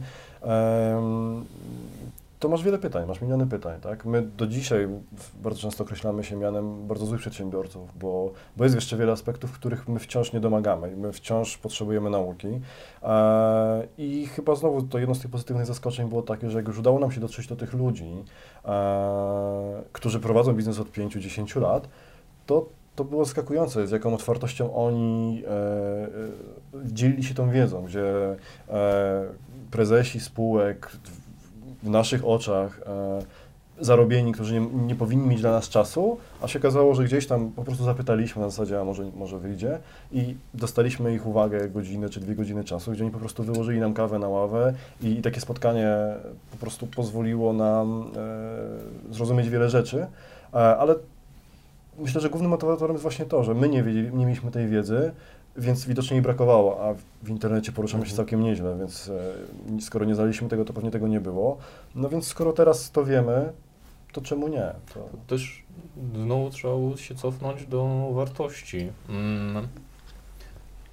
To akurat wspólnie dzielimy, że po prostu zawsze lubiliśmy być pożyteczni. Bycie pożytecznym jest przyjemne, więc to nawet można to jako egoizm, e, jako egoizm e, potraktować. Egoizm pożyteczny dla innych. Tak. E, każdy z nas lubi to, więc jeśli jesteś w stanie komuś mm, być mm, pożyteczny nawet w ten sposób, że przeprowadzisz staruszkę przez jezdnię, to się po prostu dobrze z tym, mm, z tym czujesz. No ale dwa, na przykład z mojej perspektywy, e, no, tak jak już zdążyliśmy chwilę porozmawiać, ja studiowałem resocjalizację. I pracowałem e, przez kilka lat w zawodzie, pracując w zakładach poprawczych i w domach dziecka w domach pomocy społecznej. No, no i mm, myślę, że miałem do tego powołanie.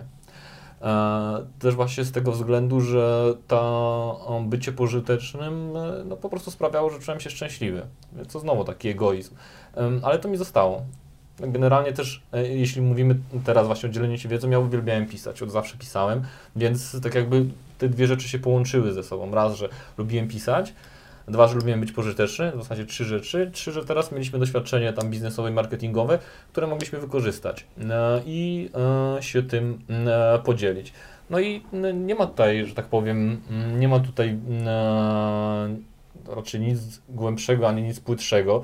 Tak, no można było powiedzieć, że są to też zyski marketingowe dla nas, no ale to znowu, jak mm, przyłożymy sobie skalę do strony MD Bootstrap, która generuje kilka milionów wejść każdego miesiąca, mm, e, do takiego ruchu, który dobrze konwertuje do na przykład tego naszego mm, studium przypadku, które opisaliśmy, które tam odwiedza Mm, no nie wiem, tam z kilka tysięcy osób miesięcznie, których y, no, tak naprawdę nie są nasi klienci, to nie są deweloperzy, którym możemy coś sprzedać, więc my wymiernych zysków z tego nie mamy, ale mamy inne, bo właśnie dzięki temu na przykład możemy cieszyć się tą rozmową tutaj z Tobą. Tak, to jest dla nas po prostu przyjemność, a nie ma tego co ukrywać. I tak naprawdę wiele takich interakcji super się dla nas mm, nawiązało, a no, biorąc to właśnie w, mm, zestawieniu do faktu, że przez dwa lata my siedzieliśmy w piwnicy, a my chcieliśmy być częścią właśnie y, jakiejś społeczności większej i teraz mamy okazję.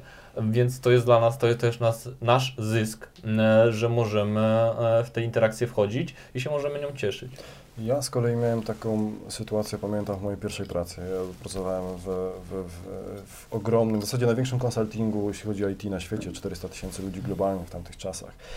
I pamiętam, że uderzyła mnie taka jedna rzecz. E, mianowicie dołączyliśmy jako praktykanci, studenci, e, chyba trójką do, do projektu i był tam jeden chłopak, który był dwa tygodnie e, starszy, znaczy dołączył dwa tygodnie wcześniej, przed nami.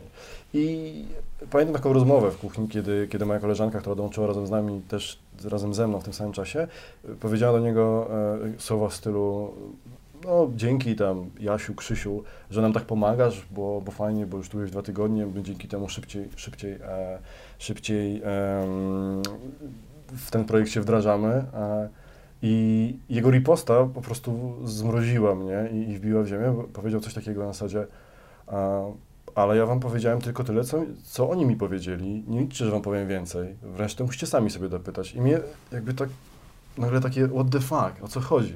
I to jest zachowanie, które wtedy, y, no, jakby nie rozumiałem go, w sumie do dzisiaj go nie rozumiem, ale widziałem je bardzo często jeszcze w korporacji. W korporacji często niestety zdarza się, być może przez to, jak są KPI ustalane, ale to jest y, często widać zachowania tego typu. Ja ci nie pomogę, bo jesteśmy konkurentami, bo jeżeli ja ci powiem, jak coś zrobić, to jeżeli jest w budżecie przewidziana podwyżka dla jednej osoby, to dostanie ją, dostaniesz ją ty, a nie ja. I bardzo często w korporacji widziałem to, czego do dzisiaj nie rozumiem, właśnie to na zasadzie tak, takiego zakrywania, chowania tej swojej wiedzy i nie dzielenia się, na zasadzie no, gry o sumie zerowej, tak? Skoro ja wiem więcej, ty wiesz mniej, to ja wygrywam. Um, I jakby naturalnie, nigdy, nigdy mi, to, mi to nie leżało, a żeby obejrzeć też to, co robimy, z, z też tutaj jakby, żeby to, żeby to nie, nie brzmiało zbyt pompatycznie, ja osobiście tak po prostu i racjonalnie, raz, że przed samym sobą, ale też przed innymi, uważam, że ja naprawdę mogę, możemy dzisiaj wziąć tutaj e, dowolną osobę, która ma podstawy marketingowe, technologiczne, możemy dać cały know-how, możemy dać kod źródłowy naszego produktu i jesteśmy pewni, że i tak nie zrobi tego lepiej niż my, że i tak nie odniesie takiego sukcesu, bo oprócz tego kodu, oprócz tego know-howu, to za nami stoją lata pracy, um, błędów, porażek, na których my się uczyliśmy, e, a z drugiej strony, e, więc jakby jesteśmy tego pewni, więc chętnie, chętnie się tym dzielimy, ale z drugiej strony e, też dzielimy się tym, bo jeżeli jednak zrobisz to lepiej ode mnie, no to znaczy, że ze mną coś jest nie tak. Czyli ja nie jestem tak dobry, jak mógłbym być. Czyli po prostu mam zbyt duże mniemanie o sobie, tak naprawdę, które nie ma poparcia w faktach. Ale mówię, ten przekaz taki na zasadzie, że jeżeli ktoś zrobi coś lepiej, to super, to, to czerpmy z tego oboje, po prostu. To znaczy, że, że, że pokazu, pokażesz mi drogę, której ja nie widziałem, że skoro zrobiłeś to lepiej ode mnie, to ja się czegoś mogę nauczyć i obydwoje w tym zyskamy. Niż na zasadzie, ja ci niczego nie powiem, ty się tego nie dowiesz, i ani ja się nie rozwinę, ani ty się nie rozwiniesz. A mógłbyś, mhm. moglibyśmy razem. Tu kontynuując takie tematy społeczne. Pochodzicie z Łowicza, prawda? I podobno robicie coś dobrego dla tamtej szkoły. Czy możecie coś więcej powiedzieć na ten temat? No na razie się tylko przymierzamy do tego, ale faktycznie zdarzyła się e, bardzo miła sytuacja, w której nasza, nasze liceum, chodziliśmy do tego samego, zaprosiło nas na rozmowę, e, żebyśmy opowiedzieli e, uczniom e, naszą drogę i poradzili im w, no właśnie w karierze zawodowej. Tak? No my się z przyjemnością zgodziliśmy. Raz, że była dla nas piękna podróż sentymentalna do szkoły, którą bardzo lubiliśmy, a dwa, że znowu być może mogliśmy być pożyteczni. Przy czym też od razu zaznaczyliśmy, wszystkim, że no my im doradzać nie będziemy, bo po pierwsze, kim jesteśmy my, żeby komukolwiek mówić, jak ma żyć, a po drugie, my wcale nie jesteśmy pewni, że ta droga, którą my przeszliśmy, to jest y, godna polecenia do, wszystkiego. Nie jest tak, że każdy powinien być przedsiębiorcą, albo każdy musi spróbować, albo że każdy musi pracować w technologii, no bo tak naprawdę to no, każdy z, każda z tych młodych osób musi znaleźć ją własną. Więc co mieliśmy do zaoferowania, no to po prostu opowiedzieliśmy o naszej drodze długiej, krętej, E, od e, mojej na przykład od archeologii po resocjalizację, po e, no właśnie własny biznes, o wielu porażkach, żeby też było wprost, że to nie jest, że to nie jest właśnie Tylko żadna bajka. Tak. Mm, No i zaoferowaliśmy też, że mm, pomożemy im, w, jeśli będą chcieli rozwijać się w dziedzinach no, oczywiście technologii czy marketingu, e, opłacając zajęcia i przyjmując ich pod nasze skrzydła, że teraz ym, planujemy ze szkołą taki program, w ramach którego przez pół roku będą oni pod naszą opieką uczyli się technologii i e, później zaprosimy ich na rozmowy rekrutacyjne do naszej firmy i do firm naszych znajomych, którzy wyrażą taką chęć i dostaną po prostu mm, możliwość odbycia płatnych staży w rzeczywistych projektach, no, które po prostu będą później dla nich furtką mm, do mm, kariery programisty, czy tam do własnych projektów nawet. Mm, I po prostu zdobędą cenne mm, doświadczenie. Więc e, to jest projekt, na który my osobiście bardzo się cieszymy. E, zobaczymy, jak e, wyjdzie. Tak naprawdę byliśmy dwa tygodnie temu w szkole, teraz dopiero mm, dogadujemy to z mm, dyrekcją, która naprawdę też e, wyszła naprzeciw temu e, pomysłowi i wydaje się, że, mm, że, że to chwyci. No ale tak naprawdę o efektach będziemy mogli powiedzieć za jakiś czas. Tak, i to jest, znowu myślę, powtarza się to samo, że robimy to dlatego, że nikt nam tak nie zrobił, tak? To znaczy my dorastaliśmy, te osoby, które przyjdą na przykład na staż do naszej firmy, wiadomo, to są licealiści, więc to będzie tylko wakacyjny, nie jest tak, że szukamy pracowników w ten sposób. To jest tak, że ja myślę, tak wydaje mi się, oczywiście dzisiaj mogę gdybać, że no, pochodzimy z małego miasteczka, jakby w naszej mentalności, w naszą mentalność pisane było to, że w zasadzie jest jedna słuszna droga, tak? Jest e, liceum, studia, praca i, i jakby no, Fasad. tak, Passat. No i tak wyrastaliśmy i naprawdę my wtedy nie wyobrażaliśmy sobie, że, że można inaczej, a przecież można inaczej, tak? I, I może, być może, gdyby ktoś kiedyś powie, wtedy powiedział nam, że można inaczej, pokazał, że można inaczej, eee, no to rozważyliśmy taką opcję i możliwe, że, że dzisiaj bylibyśmy jeszcze dalej, tak? Te drogi potoczyłyby się zupełnie inaczej. Eee, I dokładnie to chcemy zrobić, po prostu pokazać im, że, że jest inna opcja, że można inaczej, eee, a przede wszystkim, że można spróbować i zweryfikować to bez wywracania swojego życia do góry nogami, bo to też nie jest na zasadzie takiej e, jakby Rzuć wszystko, tak, że wszystko programuj. i, i programuj, e, ale no w dobie internetu, w dobie y, tak powszechnej wiedzy, mam wrażenie, że, że dzisiaj jedyne, czego, czego, czego potrzeba do odniesienia sukcesu, może nie jedyne, ale gł- głównym czynnikiem, to jest determinacja. Sukcesu rozumianego też umówmy się w dowolny sposób, bo dla jednego sukcesem to będzie zarobienie pieniędzy, dla innego fajna praca, dla innego to będzie praca w korporacji, dla innego to będzie praca e, na własny etat. E, także chcemy ich zachęcić, zmotywować do tego, żeby po prostu spróbowali, żeby robili e, i właśnie też zgratyfikować to w ten sposób, że, że dla tych najlepszych, którym będzie się chciało, no chętnie przyjmiemy ich na, na płatny staż, co wydaje mi się, że dla licealisty jest e, Bardzo naprawdę- atrakcyjne. Też dodajmy, że tak naprawdę e, oprócz właśnie ewentualnych pieniędzy i umiejętności, które mogą zdobyć, jest e, też pokazanie perspektywy, no bo praca w technologii ma to do siebie, że e, łączą się z tym podróże, łączy się z tym międzynarodowe środowisko, łączy się w tym praca naprawdę w eks- ekscytujących projektach, które zmieniają świat. No nic tak nie zmienia świata jak technologia teraz.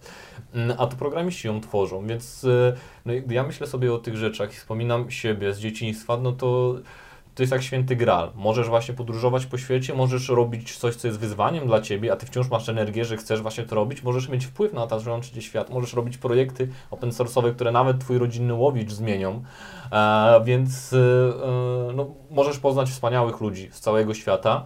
Mm, coś świetnego. I, i, I to jest rzecz, która mm, przynajmniej w naszej perspektywie, jak sobie wspominam, nie mieściła się w głowie wtedy.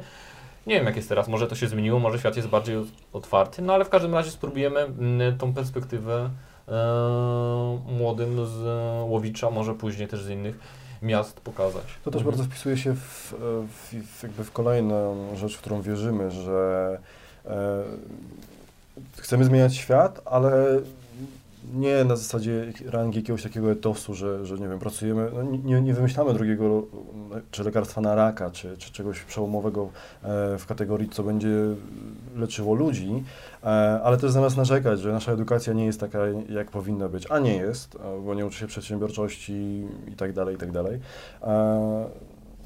Jak tylko możemy, to, to staramy się działać, nawet w takiej ma, małej skali. Może nie wywrócimy systemu naukacji, edukacji do góry nogami, ale jeżeli kilka dzieciaków dzięki temu mm, zmieni trochę swoje myślenie, może odniesie sukces, a, a może co więcej zarazi innych, inne dzieciaki, a może my zarazimy przedsiębiorców, może wyjdzie z tego ogólnopolska akcja, może, może, może gdzieś tam przebijemy się przez ten e, ministerialny beton i może, kto wie, może jeśli nie teraz, to, to fakt, że zaczniemy dzisiaj, zakiełkuje za 10-15 lat zmianą właśnie w edukacji i w nastawieniu. Także jakby... Cieszę się, że o tym tutaj powiedzieliście, bo być może będzie tak, że ktoś oglądając ten wywiad również się zainspiruje do tego, będąc przedsiębiorcą, że wdroży podobny program akurat e, w swojej firmie. Natomiast powoli zbliżając się do końca, panowie, e, powiedzieliście i też czytałem o tym, że prowadzicie swoją firmę w dość przewrotny sposób. Między innymi nie macie podobno działu sprzedaży. Więc jak to jest, że z jednej strony się nie ma działu sprzedaży, a z drugiej strony ma się plus minus, zakładam, że już pewnie więcej, ale ostatnie dane w internecie mówiły o tym, że macie 700 tysięcy użytkowników waszego rozwiązania, nie mając działu sprzedaży. Paradoks czy nie? Tylko pozornie, ponieważ my nie prowadzimy sprzedaży e, bezpośredniej, tak naprawdę dlatego też nigdy nie byliśmy zainteresowani żadnymi networkingami, w których można wymienić się wizytkami, znaleźć klienta, bo my w życiu e, w ten sposób klienta nie zdobyliśmy. My nie rozmawiamy z klientami przez telefon nawet, nie mamy tak kontaktu, a właśnie z tego względu, że mm, e, miejsce sprzedaży, takiej rozumianej klasycznie w firmie, u nas działa marketing. Czyli mm, e, to są duże zbiory mm, danych, które później mm, e, są przemieniane na strategię marketingową. E, No i w ten sposób właśnie jest realizowane poprzez chociażby działania SEO, czyli działania w wyszukiwarkach. My przyciągamy tych duże grupy użytkowników, dlatego właśnie na naszej stronie jest ogromny ruch. No i w, mm, w ramach działań chociażby automatyzacji, która dzieje się, mm, dzieje się u nas na stronie, która prowadzi użytkownika za rękę, tak żeby jak najlepiej zaspokoić jego potrzeby, jak najlepiej, jak najszybciej pozwolić mu znaleźć tą informację techniczną, którą on szuka, e, żeby doprowadzić go do momentu, że on na przykład z darmowego rozwiązania będzie zadowolony, ale też zobaczy perspektywę mm, e, rozwiązania płatnego i z niego korzysta. Więc mm, właśnie w ten sposób działamy. Fakt, czy mieliśmy kiedyś w ogóle sytuację tak, że rozmawialiśmy z klientem na żywo? Chyba. Raz przez 3 lata zadzwonił do mnie klient, rzeczywiście. Ale że na żywo, tak? A na żywo nie, przepraszam. Nie, Tak. na, przepraszam, mieliśmy raz nasz klient po prostu nas odwiedził. Przepraszam się śmieję, ale to jest, to jest niespotykane po prostu. Raz, nas, raz klient nas odwiedził, ale dlatego że chciał zobaczyć, bo akurat mieli biuro niedaleko, więc przyjechał zobaczyć jak to wygląda e, od środka. Więc, ale to już kupił, to już po tym jak zobaczył. To E, także e, no, u nas po prostu marketing spełnił tą funkcję, działa no, tak dobrze, że tak naprawdę nie opłacałoby nam się przy takim wolumenie e, i przy tak globalnej działalności, no bo też dodajmy, że u nas sprzedaż w Polsce jest tam 1,7%, większość to jest USA, Europa Zachodnia, no, e, mm, sporo Azji, coraz więcej. Mm, też Afryki, Ameryki Południowej, Mm, więc e, no, po prostu to byłoby zbyt kosztowne. Utrzymywanie sprzedaży, skoro możemy zrobić to Mhm. marketingiem masowo, globalnie, o wiele taniej, o wiele szybciej. E, No i tak, tutaj raczej nie ma e, żadnych tam triczków z tyłu. E, Czy to jest jakby rozwiązanie tego typu pod kątem pozyskiwania klientów? To, to jest jakby ono zostało opracowane typowo pod potrzeby waszej obecnej firmy, czy to już zostało jakoś może we wcześniejszych projektach realizowane? Jakby jaka jest y, geneza tego? To jest ki- kilka czynników się złożyło mm, naraz. No, z racji tego, że właśnie naszym zapleczem takim profesjonalnym to był marketing i technologia, więc połączenie tych dwóch rzeczy pozwalało nam weryfikować. Fakt, że tutaj przy e, MD Bootstrap można było zastosować taką strategię, no to też wynika nie z naszego geniuszu, tylko właśnie chociażby z tego faktu, że te frazy techniczne, które ludzie wpisują w wyszukiwarkę, tak ogromnie urosły i są tak wielkimi wolumenami. Gdyby tego brakowało, to nawet największy geniusz SEO nic by nie był w stanie z tego e, zadziałać. Więc e, mm, nasz sukces polega na tym, że potrafiliśmy zagospodarować te, mm, te białe plamy na mapie e, SEO i je przejąć oraz, żebyśmy w stanie konkurować z tymi dużymi projektami, o wiele większymi od nas, które mają e, też o wiele większe budżety niż my i zawalczyć z nimi o te frazy marketingowe i wyrwać ten ruch, który normalnie poszedłby do nich, do nas. Więc tak naprawdę mm, jak ktoś właśnie, no często też e, ludzie się nas pytają, jak można taką strategię zastosować u nich w firmie. No i e, pierwsze pytanie jest właśnie, czy w ogóle to ma sens u Ciebie, bo jeśli na przykład mm, no nie dalej jak właśnie w zeszłym tygodniu miałem e, rozmowę z mm, bardzo fajnym e, bardzo fajnym e, przedsiębiorcą, który mm, e,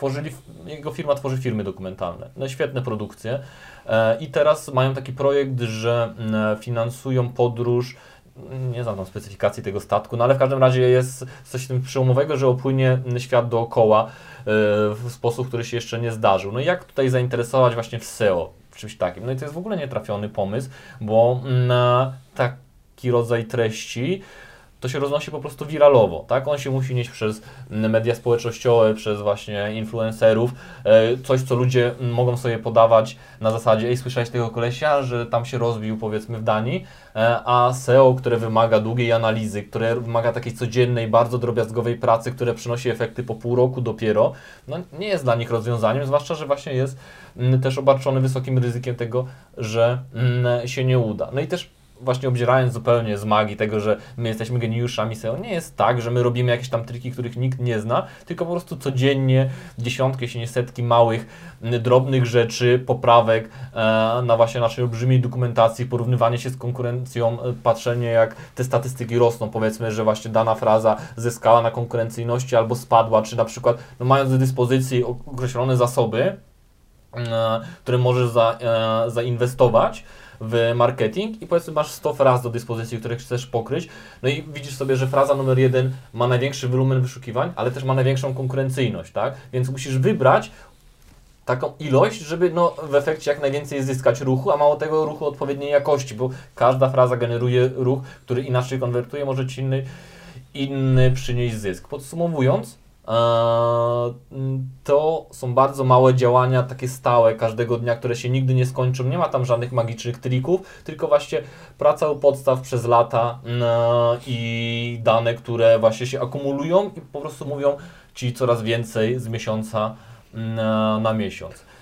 Dlatego też ten nasz e, model marketingowo-sprzedażowy absolutnie nie jest do zastosowania wszędzie, ale jeśli by się komuś udało znaleźć właśnie podobną, no, podobne okoliczności do naszych, czyli mianowicie, że na przykład są bardzo duże wolumeny mm, wyszukiwań w Google i jest też jeszcze spora na przykład fraz długiego ogona, czyli takich bardzo precyzyjnych, niezagospodarowanych, to na pewno warto spróbować, bo może, e, bo może się udać. Czy na Twoje pytanie chyba tak w skrócie, to, to o ile nasz model sprzedażowy jest jakiś tam sposób unikatowy, on to nie jest tak, że to, to, to on był tam po początku firmy, jak wszystko w zasadzie w naszej firmie i myślę, że to się aplikuje też do innych biznesów, to jest po prostu ciągła ewolucja, poparta danymi, poparta testami, poparta wieloma błędami, e, no i analityka, bardzo, bardzo rozwinięta analityka, po prostu na tyle, na ile możemy. A dzisiaj technologia pozwala bardzo dobrze śledzić użytkownika, czy to na stronie, e, czy to nagrywać jego sesję, co robił, analizować e, i wyciągać wnioski z tego. Po prostu próbowaliśmy, patrzyliśmy,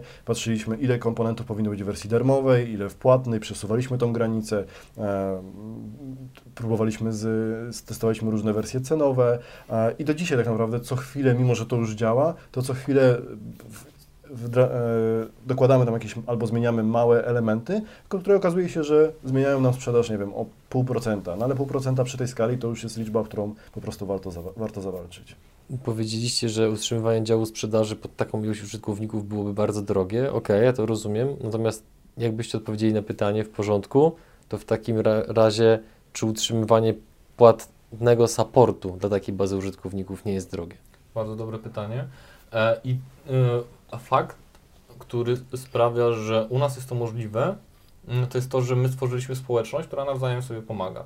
E, forum MD Bootstrap w tym momencie jest naprawdę, jeśli chodzi no oczywiście Stack Overflow jest największy. To jest, e, dla tych, którzy nie wiedzą, no to jest mm, e, portal o, no tam jest chyba 600 milionów użytkowników każdego miesiąca, więc ogromny. Nie ma, nie, nie ma większego, jeśli chodzi o pomoc techniczną w sieci. Przy czym nawet Stack Overflow nie jest w stanie zapewnić tak precyzyjnej odpowiedzi w tych właśnie niszach technologicznych, w których my zapewniamy. Więc tam użytkownicy mm, e, znajdują odpowiedzi. No i też my tworzymy taki system mm, e, grywalizacji, w których mogą zdobywać punkty, mogą też, to oczywiście jest dopiero e, u nas cały czas jeszcze raczkuje, ale już przynosi efekty, których oni są zachęcani nawzajem do wzajemnej pomocy, a dwa, że programiści po prostu lubią dzielić się swoimi rozwiązaniami e, i, i to widać. Więc e, u nas się to sprawdza, e, także wiele problemów że wiele problemów jest rozwiązywanych samych, no ale też mamy pewne ograniczenia co do supportu. Mamy e, taką e, instytucję jak Premium Support, czyli no u nas każdy programista ma określoną ilość czasu, którą musi dziennie spędzić na tym supporcie. E, I w pierwszej kolejności są mm, w pierwszej kolejności są obsługiwane osoby, które mają wykupiony premium support.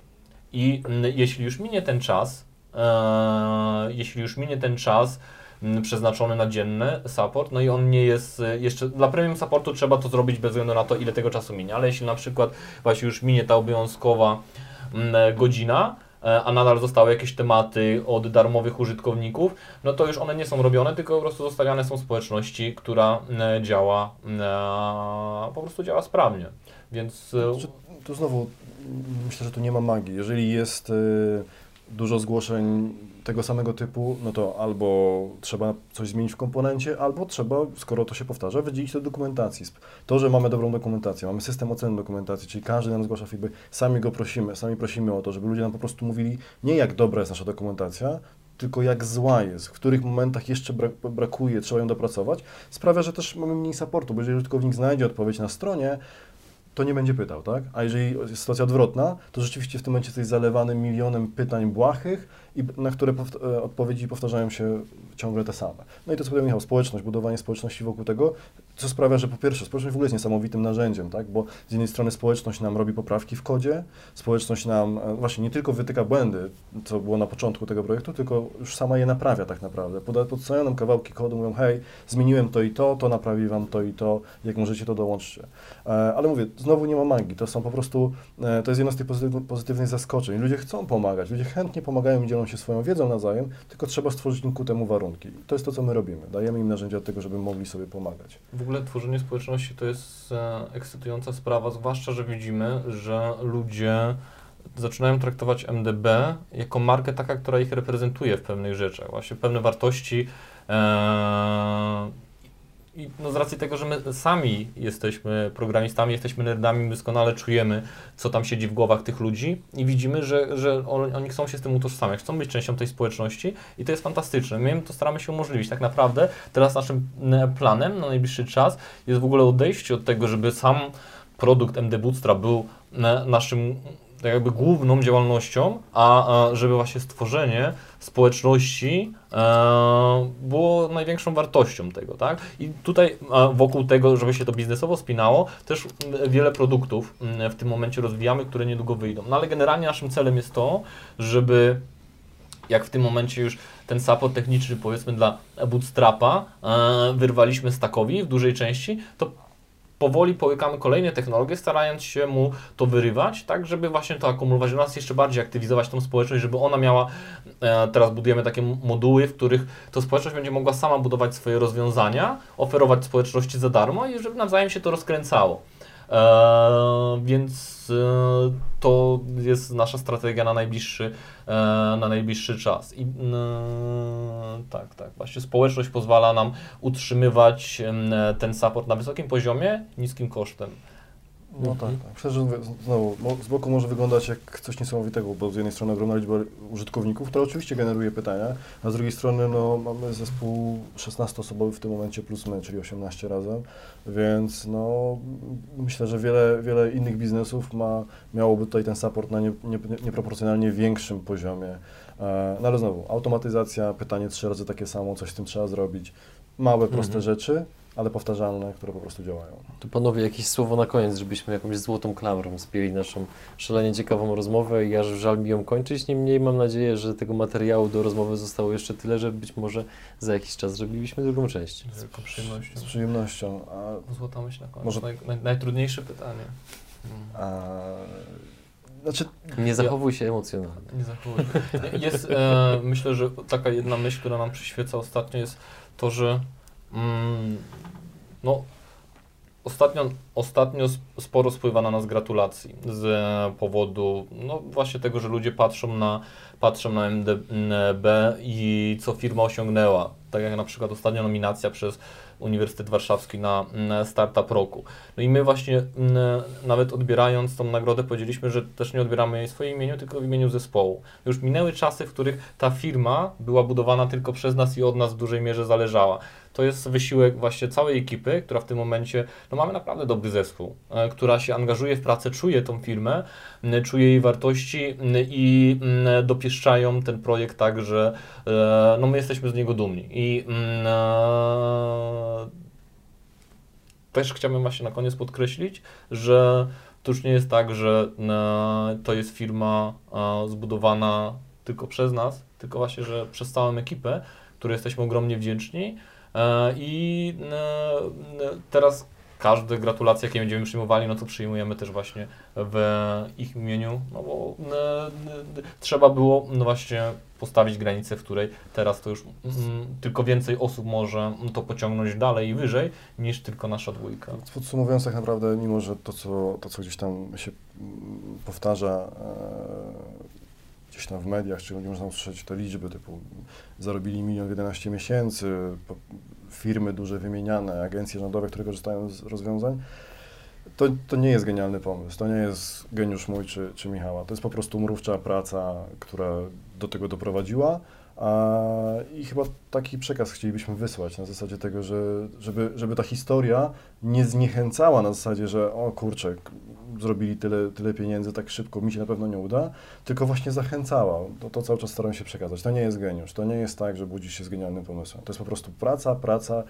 i miliony pomyłek po drodze, które na pewno, na pewno e, wystąpią i tylko od Ciebie zależy, czy będziesz chciał iść dalej i je przeskakiwać. Tak jak mówił chyba Ingrid Kamprad, założyciel Ikei, że jak za każdym razem, kiedy rzucali mu kłody pod nogi, to on się cieszył, bo nauczył się skakać. Jak, jak konkurencja wybudowała mu mur, którego nie mógł przeskoczyć, to znalazł drogę naokoło, bo musiał, tak? Więc to, to właśnie te trudności, te problemy są tym, co nas naprawdę rozwija i pozwala iść naprzód.